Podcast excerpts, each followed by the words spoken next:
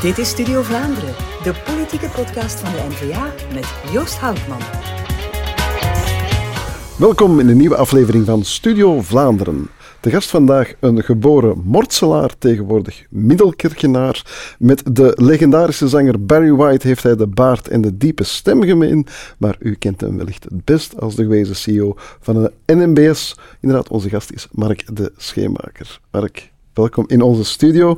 Ik haal het aan, geboren in Mortsel. Vandaag ben je Middelkerkenaar. Uh, je bent zelfs lijststuwer voor de federale verkiezingen van de provincie West-Vlaanderen. Hoe moeilijk was het voor jou om West-Vlaming te worden? Oh, eigenlijk zat het er altijd al een beetje in. Mijn grootvader was een Bruggeling. Mhm. Uh, mijn lieve echtgenote is een Kortrijksane. En we zijn 18 jaar geleden aangespoeld aan de westkust. Dus uh, het zit er al een beetje in hoor, het West-Vlaams. Ja, en, en Middelkerke, ja, dat is uh, Jean-Marie de Dekker country, hè?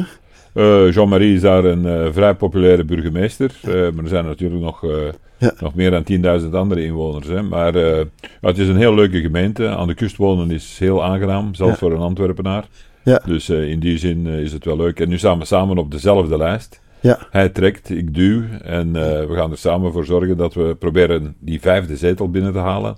Mhm. Wat natuurlijk heel moeilijk zal zijn in de Ja. federale verkiezing. Ja, het zal, zal knokken worden, uh, maar samen met Jean-Marie moet dat wel lukken, tenzij jij ook nog uh, judo-talenten uh, hebt. Um, maar met hem heb je alleszins wel uh, gemeen, vind ik zo, de, de, de parler vrai, hè? geen blad voor de mond nemen. Uh, en daarvoor zitten we eigenlijk hier vandaag. Je deed het al in je boek uh, Dwarsligger in 2014. En nu is er dit uh, mooie boek, Doodspoor, met een heerlijke uh, cover. Um, in Doodspoor heb je het over ja, de, de mobiliteitsproblematiek, of mag ik misschien wel zeggen mobiliteitsknoop, waarmee de Vlaming in, in, in de maag zit. Ja, die knoop is wel, ja, dat is wel een stevige knoop, hè? Wel, we moeten heel eerlijk zijn. Los nu van politieke partijen, los van individuele managers, los van individuen, moeten we toch wel vaststellen dat we 30 jaar lang in de knoop zitten met onze mobiliteit. Vooral wat het openbaar vervoer aangaat. In de voorbije 30 jaar, los van wie er aan het bewind was, is er eigenlijk niet veel gebeurd. En voor mij, ja, ik, mijn uitdaging was eigenlijk om daar die knoop een beetje te ontwarren. En mijn conclusie is dat we met die verschillende bevoegdheidsniveaus. De ene uh, mobiliteitsacteur zit op het federale niveau, de ander zit op het plaatselijke niveau, ertussenin het regionale niveau. Maakt dat we eigenlijk geen mobiliteitsbeleid hebben. We hebben vier ministers van mobiliteit in dit land. Ja. We hebben tien bestendige afgevaardigden van mobiliteit. Elk schepencollege heeft een schepen van mobiliteit. Er zijn honderden adviseurs erover, maar er is geen mobiliteitsbeleid. Nee. En ja, als we de, de verschillende elementjes van heel dat uh, mobiliteitsverhaal uh, erbij nemen, ja, beginnen bij het begin. Uh, uw spoorverleden. In, in, in dwarsligger haalde het u al aan ja, hoe ingewikkeld die spoorwegen al wel zijn aan anekdotes, geen gebrek over ja, absurde benoemingen, politieke compromiscultuur. Ja, vandaag zitten we onder Gilles Quinet, is het niet veel beter natuurlijk. Wel, ik zou zeggen, het is eigenlijk erger geworden. Uh, structureel is de NMBS er momenteel beter aan toe dan pakweg 20 jaar geleden. -hmm. Maar de resultaten voor de reiziger zijn ongeveer dezelfde gebleven. Ja. De stiptijd draait rond de 86, 87 procent. Er zijn nog nooit zoveel afgeschafte of gedeeltelijk afgeschafte ja. treinen geweest. Dus dat is een heel moeilijke situatie voor de reiziger. Bovendien, Gilles Quinet is uitermate dogmatisch. Hij, hij wil altijd maar meer treinen, meer stations. Terwijl er een enorme congestie al op het spoornet is. Ja. Dus ik vrees het ergste mocht, uh, mocht zijn, zijn beleid werkelijk worden omgezet in daden. Gelukkig, gelukkig heeft hij onvoldoende politiek gewicht gehad aan de federale regeringstafel om ook de financiering van al zijn aankondigingen mogelijk te maken. En dat betekent dat toen het nieuwe beheers, de nieuwe beheersovereenkomst werd voorgesteld, amper twee weken later de pers al moest melden dat de noodzakelijke investeringen met twee jaar werden ver, uh, vertraagd. Ja. Dus aankondigingsbeleid, geen daden, ver weg van de reiziger, dus dat komt niet goed. Nee, en de reiziger ja, die, die voelt dat het niet klopt, hè? Dat, het, uh, dat de spoorwegen niet sporen. Wel, er wordt heel hard gewerkt uh, binnen de spoorwegen. Uh, er is al een enorme productiviteitssprong geweest. in 2002, eind 2002 waren er meer dan 42.000 mensen binnen de spoorweggroep. Vandaag de dag zijn dat er minder dan 28.000. Dus er is een enorme productiviteitswinst gebeurd. Nu nog vragen om een bijkomende productiviteitswinst te doen bij de NMBS, is een beetje te veel van het goede. Ja. Persoonlijk zou ik erop concentreren om zoveel mogelijk de dienstverlening aan de reiziger te verbeteren. En niet op die productiviteitswinst te staan die ook in de beheersovereenkomst is opgenomen.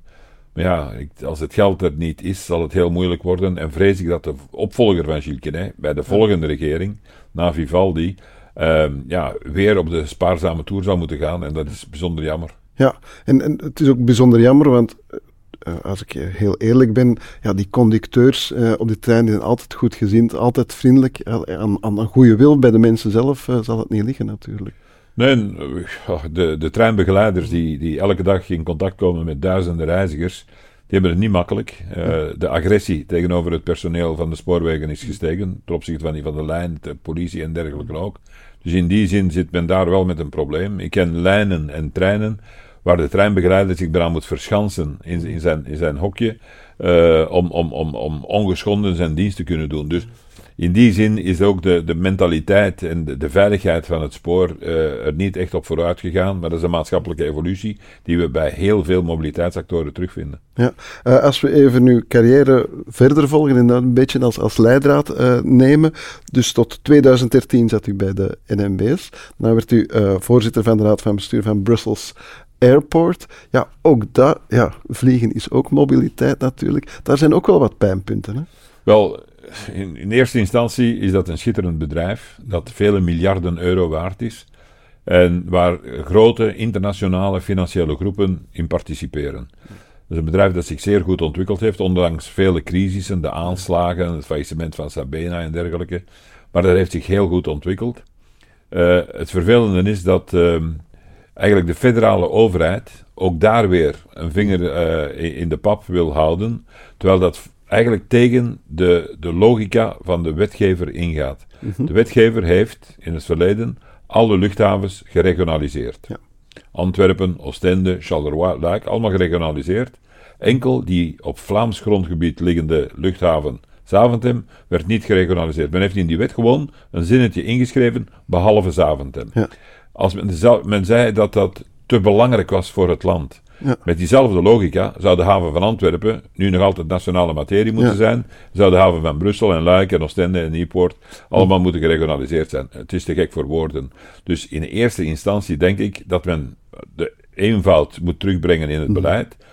Regionaliseer alle mogelijke mobiliteitsactoren, inclusief de luchthaven van Zaventem, en maak daar een, een prachtige Noord-Brusselse bijna eh, mobiliteitsknoop van. Ja, eh, want wat ook totaal absurd is, de geluidsregels die dan worden toegepast op, eh, op, die, op die luchthaven. Iedereen zijn eigen Ja, dingetje. Het, het is natuurlijk belangrijk dat, dat men ook in de buurt van een luchthaven op een verstandige manier met de gezondheid en, en het, het welbevinden van de mensen omgaat.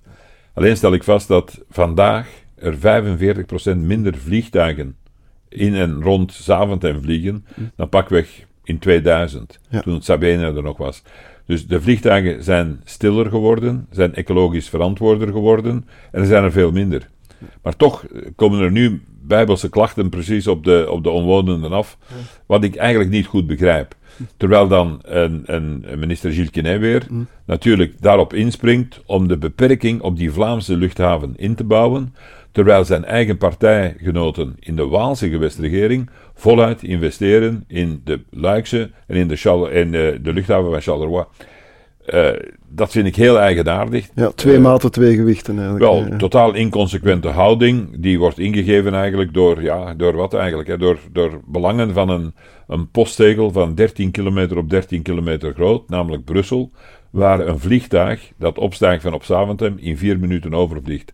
Dus in die zin pleit ik, en dat zal u misschien verwonderen als NVA, maar pleit ik persoonlijk voor een herfederaliseren van de geluidsnormen, tot er eindelijk ooit een Europese oplossing komt. Ja, oké. Ehm, na de eh, Brussels Airport eh, kwam je terecht, of tegelijkertijd min of meer, kwam je terecht in de raad van bestuur van, van de lijn. Ehm, hoe kijkt u naar het, het, het basisprincipe, eh, het principe van, van basisbereikbaarheid bedoel ik, ten opzichte van basismobiliteit? Want het is toch een, een zekere shift die daar eh, Ja. gebeurd is. Nu, als we nu terugkijken over de voorbije 20, 25 jaar, dan kunnen we vaststellen dat uh, basismobiliteit eigenlijk een miskleun is geweest. Dat was ingegeven door uh, voornamelijk de, de, de, Socialistische Partij. Voor, meer nog door minister Stevaart, ja. die later dan ook partijvoorzitter is geworden. Men heeft heel veel geld in heel veel herstructurering van de lijn gestopt. Allemaal haltes en gratis en alles moest gratis zijn. Maar als je dan kijkt, het enige wat er gebeurd is, is dat men de reizigersstatistieken heeft vervalst. En dat we meer dan 2 miljard reizigersritten hebben gemeld aan het Vlaams parlement, die er eigenlijk nooit zijn geweest. En hoe komen dat toen dan? Uh... Wel, als je gratis abonnementen hebt, zoals bijvoorbeeld op een bepaald moment uh, de gepensioneerden die gewoon met hun identiteitskaart zelfs geen abonnement moesten hebben, maar gratis konden rijden, ja, dan kan je theoretisch berekenen hoeveel ritten die zouden maken. En als je iets theoretisch mag berekenen, ja, dan, dan ja. calculeer je eigenlijk je eigen succes. Want je hebt veel geld erin gestopt. Dus wil je dat het succes heeft, dus zeg je dat, kijk eens hoeveel reizigers er zijn. Ja, terwijl het in de praktijk niet kan staan. Wel, en dan in de praktijk zagen de mensen bussen leeg rondrijden. Terwijl ja. volgens officiële statistieken er misschien 20 of 30 mensen zouden moeten opzitten. Dus dat is één punt geweest. Een tweede punt is dat uh, de, de regering van uh, Geert Bourgeois, met toen uh, mobiliteitsminister Ben Wijts, hebben, en dat is een heel verstandige maatregel geweest, het decreet basisbereikbaarheid uh, gestemd. En daar is de bouwsteen eigenlijk dat men de grote lijnen tussen steden versterkt, dat men de tramlijnen versterkt, dat men ook het aanvullend net versterkt. En dat er dan een derde like bij kwam, een derde korf vervoer eigenlijk bijkomt, een zogenaamde vervoer op maat, waar dan de zogenaamde belbussen, Belbus, maar alle meer individuele transportmogelijkheden. Um, natuurlijk, er is een nieuwe regering gekomen, uh, de regering Jan Bon, met een nieuwe mobiliteitsminister, mevrouw Lydia Peters. Open, uh, Open VLD. Van Open VLD, inderdaad. Die uh, eigenlijk aan de slag moest met het decreet. Maar daar ja, jammer genoeg relatief weinig van gebakken heeft. Toch met name het luik van, de, van het vervoer op maat heeft ze heel weinig teweeggebracht. Uh, de uitrol van het nieuwe decreet basisbereikbaarheid was voor de lijn mogelijk vanaf 2021. Alle werk was gedaan, alle studiewerk was gedaan, alle voorbereidende maatregelen waren gedaan. Het mocht niet, omdat het luik uh, uh, vervoer op maat nog niet klaar was. 2022 was dat nog altijd niet klaar. Uiteindelijk is Anne Schoeps, de, de heel dynamische topvrouw van de, de lijn, gaan pleiten, maar gaan smeken bij de minister om toch maar te mogen uitrollen, omdat anders al het voorbije werk voor de kernnet dan al te veel was geweest. Uh, de minister is er dan na vier jaar talmen en treuzelen eindelijk uh, in meegegaan. En we hebben dan het, het, het, het, uiteindelijke lijk ook kunnen uitrollen. Wat aanleiding heeft gegeven, gegeven tot een paar klachten, wat, wat vervelende situaties die nog eens extra worden vergroot door het feit dat we nu in een verkiezingsjaar zitten, ja. waarbij natuurlijk elk schepencollege, elke schepen van mobiliteit, elke burgemeester, elk parlementslid heel zenuwachtig wordt met problemen die ontstaan juist ja. op de vooravond van, van, de, van de, verkiezingen. Ja. Dus dat was een hele moeilijke. Ik vind het bijzonder jammer dat mevrouw Peters zoveel tijd heeft verloren. En dan nog, uh, ja, onder meer door toedoen van het afsluiten van een contract van bijna 100 miljoen euro uh, met een Amerikaans-Israëlisch bedrijf dat amper tien jaar bestond. Dus ze heeft daar, uh, ze is onvoorzichtig geweest en ze heeft te lang gewacht om, uh, om, ja, om de juiste beslissing te nemen. Ja, de lijn een beetje krom in plaats van recht getrokken, zou je kunnen zeggen. Ja, de lijn is bijna aan de rand van de afgrond gebracht. Want bovendien heeft ze ook nog eens het lumineuze idee gehad om, hoewel het regeerakkoord voorziet dat de lijn een hogere kostendekking moet realiseren, heeft ze nog eens het lumineuze idee gehad om de indexering van de tarieven niet toe te laten in een periode van hyperinflatie. Alle vervoersmaatschappijen in dit land, zelfs in heel Europa, hebben de hogere inflatie kunnen toepassen of aanpassen in hun uh, tarievenbeleid. Alleen de lijn mocht dat niet om. Ik denk, de enige reden dat ik kan vermoeden is dat ik vermoed dat mevrouw Peters dacht dat ze zich daarmee populair ging maken bij de reiziger. Maar het bracht wel de, de lijn aan de, aan de rand van de afgrond. Ja, um, tegelijkertijd hoor je ook vaak, uh, ja, er moet gewoon meer geld uh, naartoe. Maar budgetverhogingen zijn niet altijd in het verleden, uh, of hebben niet altijd hun nut bewezen. Hè. Het is niet altijd omdat je er meer geld in stopt dat iets beter. Ik heb nog geen periode meegemaakt waar er meer geld naar de lijn is gegaan. mevrouw Krevits van de CD&V is in 2009, denk ik, voogdijminister geworden. Zij heeft bepaalde besparingen doorgevoerd. Ben Wijts heeft bepaalde uh, besparingen doorgevoerd, maar die beide ministers hebben dat steeds in afstemming met de lijn gedaan. Dus op die manier is dat op een relatief verstandige manier gebeurd. Uh, het is nu pas onder uh, minister Peters dat, ja, dat er meer dan twee keer zoveel is bespaard geweest op de werking van de lijn. Ondanks het feit dat men een korf van, van bijkomende prestaties, bijkomende investeringen, denk aan de elektrische, aan de elektrische bussen, uh, had moeten doen. Ja, dan is hij erin geslaagd om eigenlijk een groot deel van die bijkomende kosten niet budgetair af te dekken. Wat maakt dat er op de vijf jaar dat zij uh, aan het bewind was, er meer dan twee keer zoveel is bespaard dan bij de twee termijnen van enerzijds hmm. mevrouw Kerwits en uh, meneer Wijts. En anderzijds is er ook in geslaagd over die voorbije 15 jaar drie van de vijf jaren dat. Drie jaar uh, is de lijn in, in um, verlies gegaan, boekhoudkundig verlies gegaan. Dat is nooit gebeurd in het verleden onder de vorige ministers. Dus de lijn moet nu rode getallen schrijven. Bovendien zijn ze ondergeïnvesteerd en worden de bijkomende werking uh, zo weinig gefinancierd dat de kostendekking van de lijn nu onder de 15% is gevallen. Ja.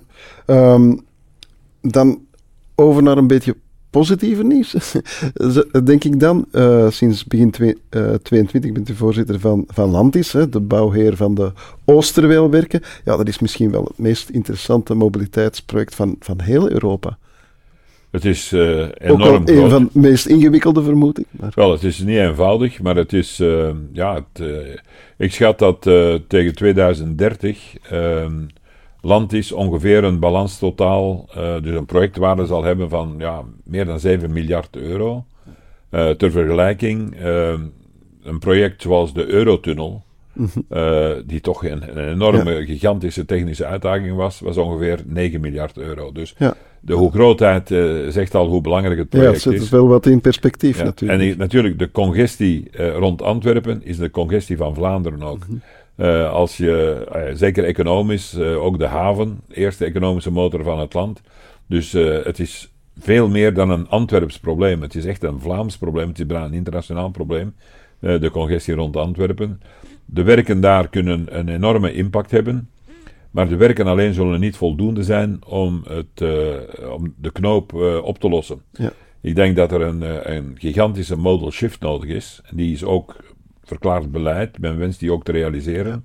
En ik denk dat de grote uitdaging voor land is, niet zal zijn om de werken te realiseren. Mhm. Daar zijn we goed op weg en uh, dat kunnen we al een en ander tonen. Ik denk dat de grote uitdaging voor heel de samenleving zal zijn om de modal shift te realiseren. En dat is een hele grote uitdaging.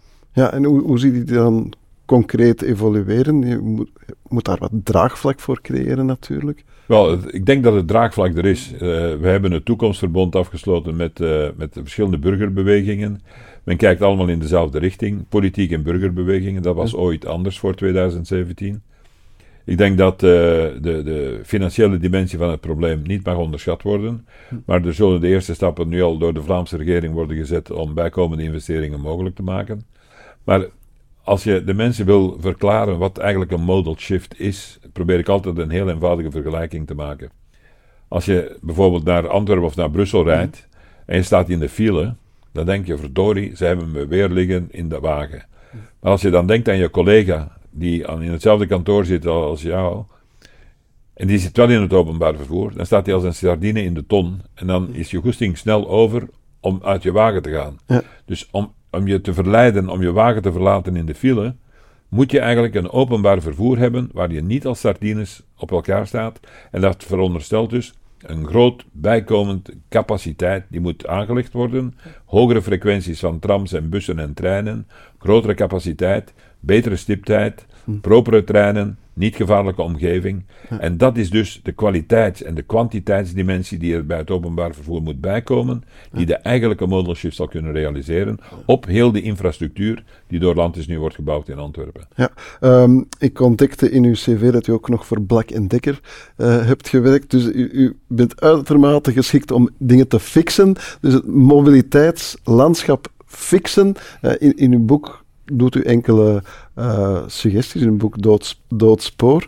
Uh, ja, je hebt er al enkele aangehaald. Hè. Het, het, uh, het ehm, regionaliseren van de luchthaven van, van Zaventem, maar er zijn nog, nog enkele zaken. Hè. Gesteld dat u carte blanche zou krijgen in, in dit land, wat niet evident is natuurlijk. onmogelijk, denk ik. Maar ik denk dat uh, we moeten uitgaan van iets heel eenvoudigs. Dat, dat zijn de beste oplossingen vaak. Uh, als je bekijkt wat de reiziger vraagt mm. en je geeft hem wat hij vraagt, dan zal hij tevreden zijn. Wat vraagt de reiziger vandaag? Bij de NMBS vraagt hij een goede, degelijke, comfortabele verplaatsing in de piek van ongeveer gemiddeld 41 kilometer. Ja, en betrouwbaar vooral. En betrouwbaar. Ja. En 41 kilometer gemiddeld, dat zijn geen enorme afstanden, maar ze zijn wel belangrijk om op kantoor te geraken, om in de werkplaats te geraken. Dat kan met uitschieters tot 100 kilometer zijn. Bij de lijn is dat ongeveer gemiddelde van 20 kilometer. Dus die vraagt niet die grote, uh, doorheen uh, het hele land lopende verbindingen van, van Oostende tot Eupen of van, van Turnhout naar Buins. Die vraagt gewoon betrouwbare ja, vervoer op maat voor zijn eigen verplaatsing van 40, 50, 60, 70 kilometer. Dus ik persoonlijk zou een aantal vervoersstromen op maat bedienen. Op een wijze dat men minder lege treinen heeft en dat men bijvoorbeeld een trein die van Oostende naar Eupen rijdt, die zit vol tot aan Brussel en die rijdt bijna leeg door naar Eupen en omgekeerd. Hetzelfde, de trein van Turnhout naar Bains. Ik zal nooit iemand vinden die elke dag in Turnhout opstaat, uit zijn bed komt en zegt: Nu ga ik weer de trein nemen naar Bains. Die man die bestaat gewoon niet, of die vrouw bestaat gewoon niet. Dus maak de treinen en de treinritten en alle vervoersprestaties veel meer op maat van de reiziger, de kortere vervoerstromen. Je zal het de capaciteit van je treinvloot beter uh, gebruiken. Je zal misschien ietsje minder productiviteit op menselijk vlak hebben, maar dan moet je daarmee aanvaarden. En je zal ook bijkomend moeten investeren in de, in de leeftijd van de vloot en dergelijke.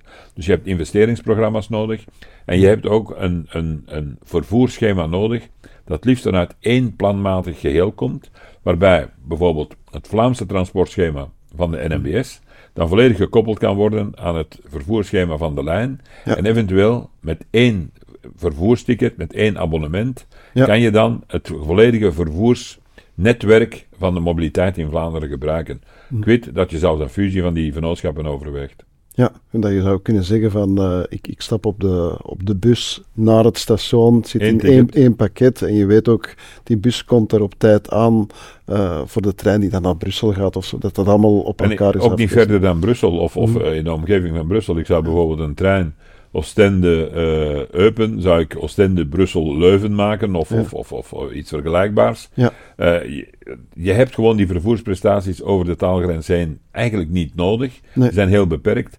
En uh, een van uw collega's vroeg mij op een bepaald moment: Ja, maar stel dat ik van Antwerpen naar Luik wil. Ja. ja ik heb hem geantwoord: dan ga je het exact op dezelfde manier doen als nu. Je rijdt hm. met de trein van Antwerpen naar Brussel hm. en je stapt over op een trein naar Luik. Want er is geen rechtstreekse treinverbinding tussen Antwerpen en Luik. Ja.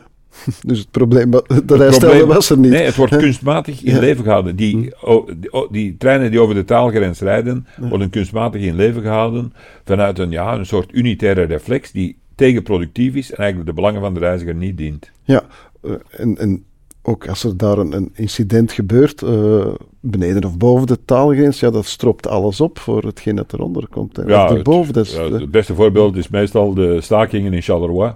Waarbij dan de reiziger staat te wachten in, op het perron in Antwerpen. Omdat je met een centrale as zit, Antwerpen-Charleroi. Dus de reiziger in Antwerpen wordt meestal gestraft voor de stakingen van een, uh, een, een, opgestopte wc-pot ergens in, in een depot in Charleroi. Dus uh, dat is heel vervelend natuurlijk. Zijn er zo uh, gidslanden waarvan u zegt van die aanpak of dat stukje moeten we implementeren? Wel, ik vrees dat bijna alle andere landen gidslanden zijn geworden voor het Belgisch vervoerssysteem. Als je kijkt in het meest unitaire land van Europa, Frankrijk, uh, ja, dat alles wordt daar blijkbaar in Parijs beslist. Ja, blijkbaar niet, want de regio's, de departements, mhm. hebben daar al grote uh, logistieke verantwoordelijkheid over vervoerstromen gekregen en hebben hun eigen treinen rijden, hebben hun eigen vervoerscontracten met de SNCF afgesloten. Dus in het meest unitaire land van, van uh, Europa is men meer regionaal aan het rijden dan, dan in een land dat eigenlijk zuiver formeel al een beetje confederaal zich oriënteert. Duitsland met de Bundesländer zijn ook regionaal georganiseerd. Ook in Nederland gebeurt dat. Dus het is niet meer kwestie van welke landen zijn gidslanden voor België.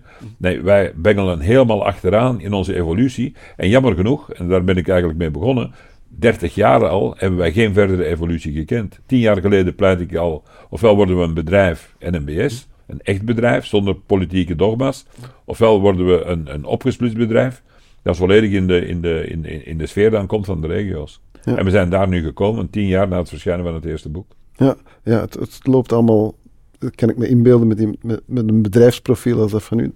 Dat trage, dat moet toch tegensteken op de... Wel, als het traag was, dan zag je tenminste een richting. Maar we hebben geen mobiliteitsbeleid, dus is er ook geen evolutie. Dus het gaat niet traag. Het gebeurt gewoon niet. Over mobiliteit gesproken, eh, iemand die zo door mobiliteit is gesproken, wat doet hij in zijn vrije tijd? Gaat hij voor de volledige immobiliteit lezen in een zetel of, of blijft u mobiel? Ja ik, eh, ja, ik ben een beetje een familieman, dus ik ga in het weekend al eens uh, naar een voetbalwedstrijd van een van de kleinzonen kijken. Ja. Dat vind ik altijd wel leuk. En dan uh, met een koffie erbij in de kantine en zo. Dus ik ken heel veel kantines in, in, in Oost- en West-Vlaanderen al. Ja. en in het Antwerpse. Ehm, nu, ik, ik blijf vrij actief. Dus mm. mijn echtgenote zei vroeger dat ik twee fulltimes had toen ik bij NMBS was. Nu concludeert ze eigenlijk dat ik nog één fulltime activiteit heb en dat ik uh, een aantal raden van bestuur met veel enthousiasme voorbereid en daar ook mijn steentje toe bijdraag om, om die te laten ontwikkelen. Dus toch een beetje content. Toch een beetje. Ja. Goed, Magnus Schemaker, hartelijk dank uh, voor het boek Dood Spoor. Uh, dank voor de heldere uitleg over ja, het bijzonder ingewikkelde mobiliteitsverhaal. En ik dank ook u, beste kijker, beste luisteraar. Op naar een volgende Studio Vlaanderen.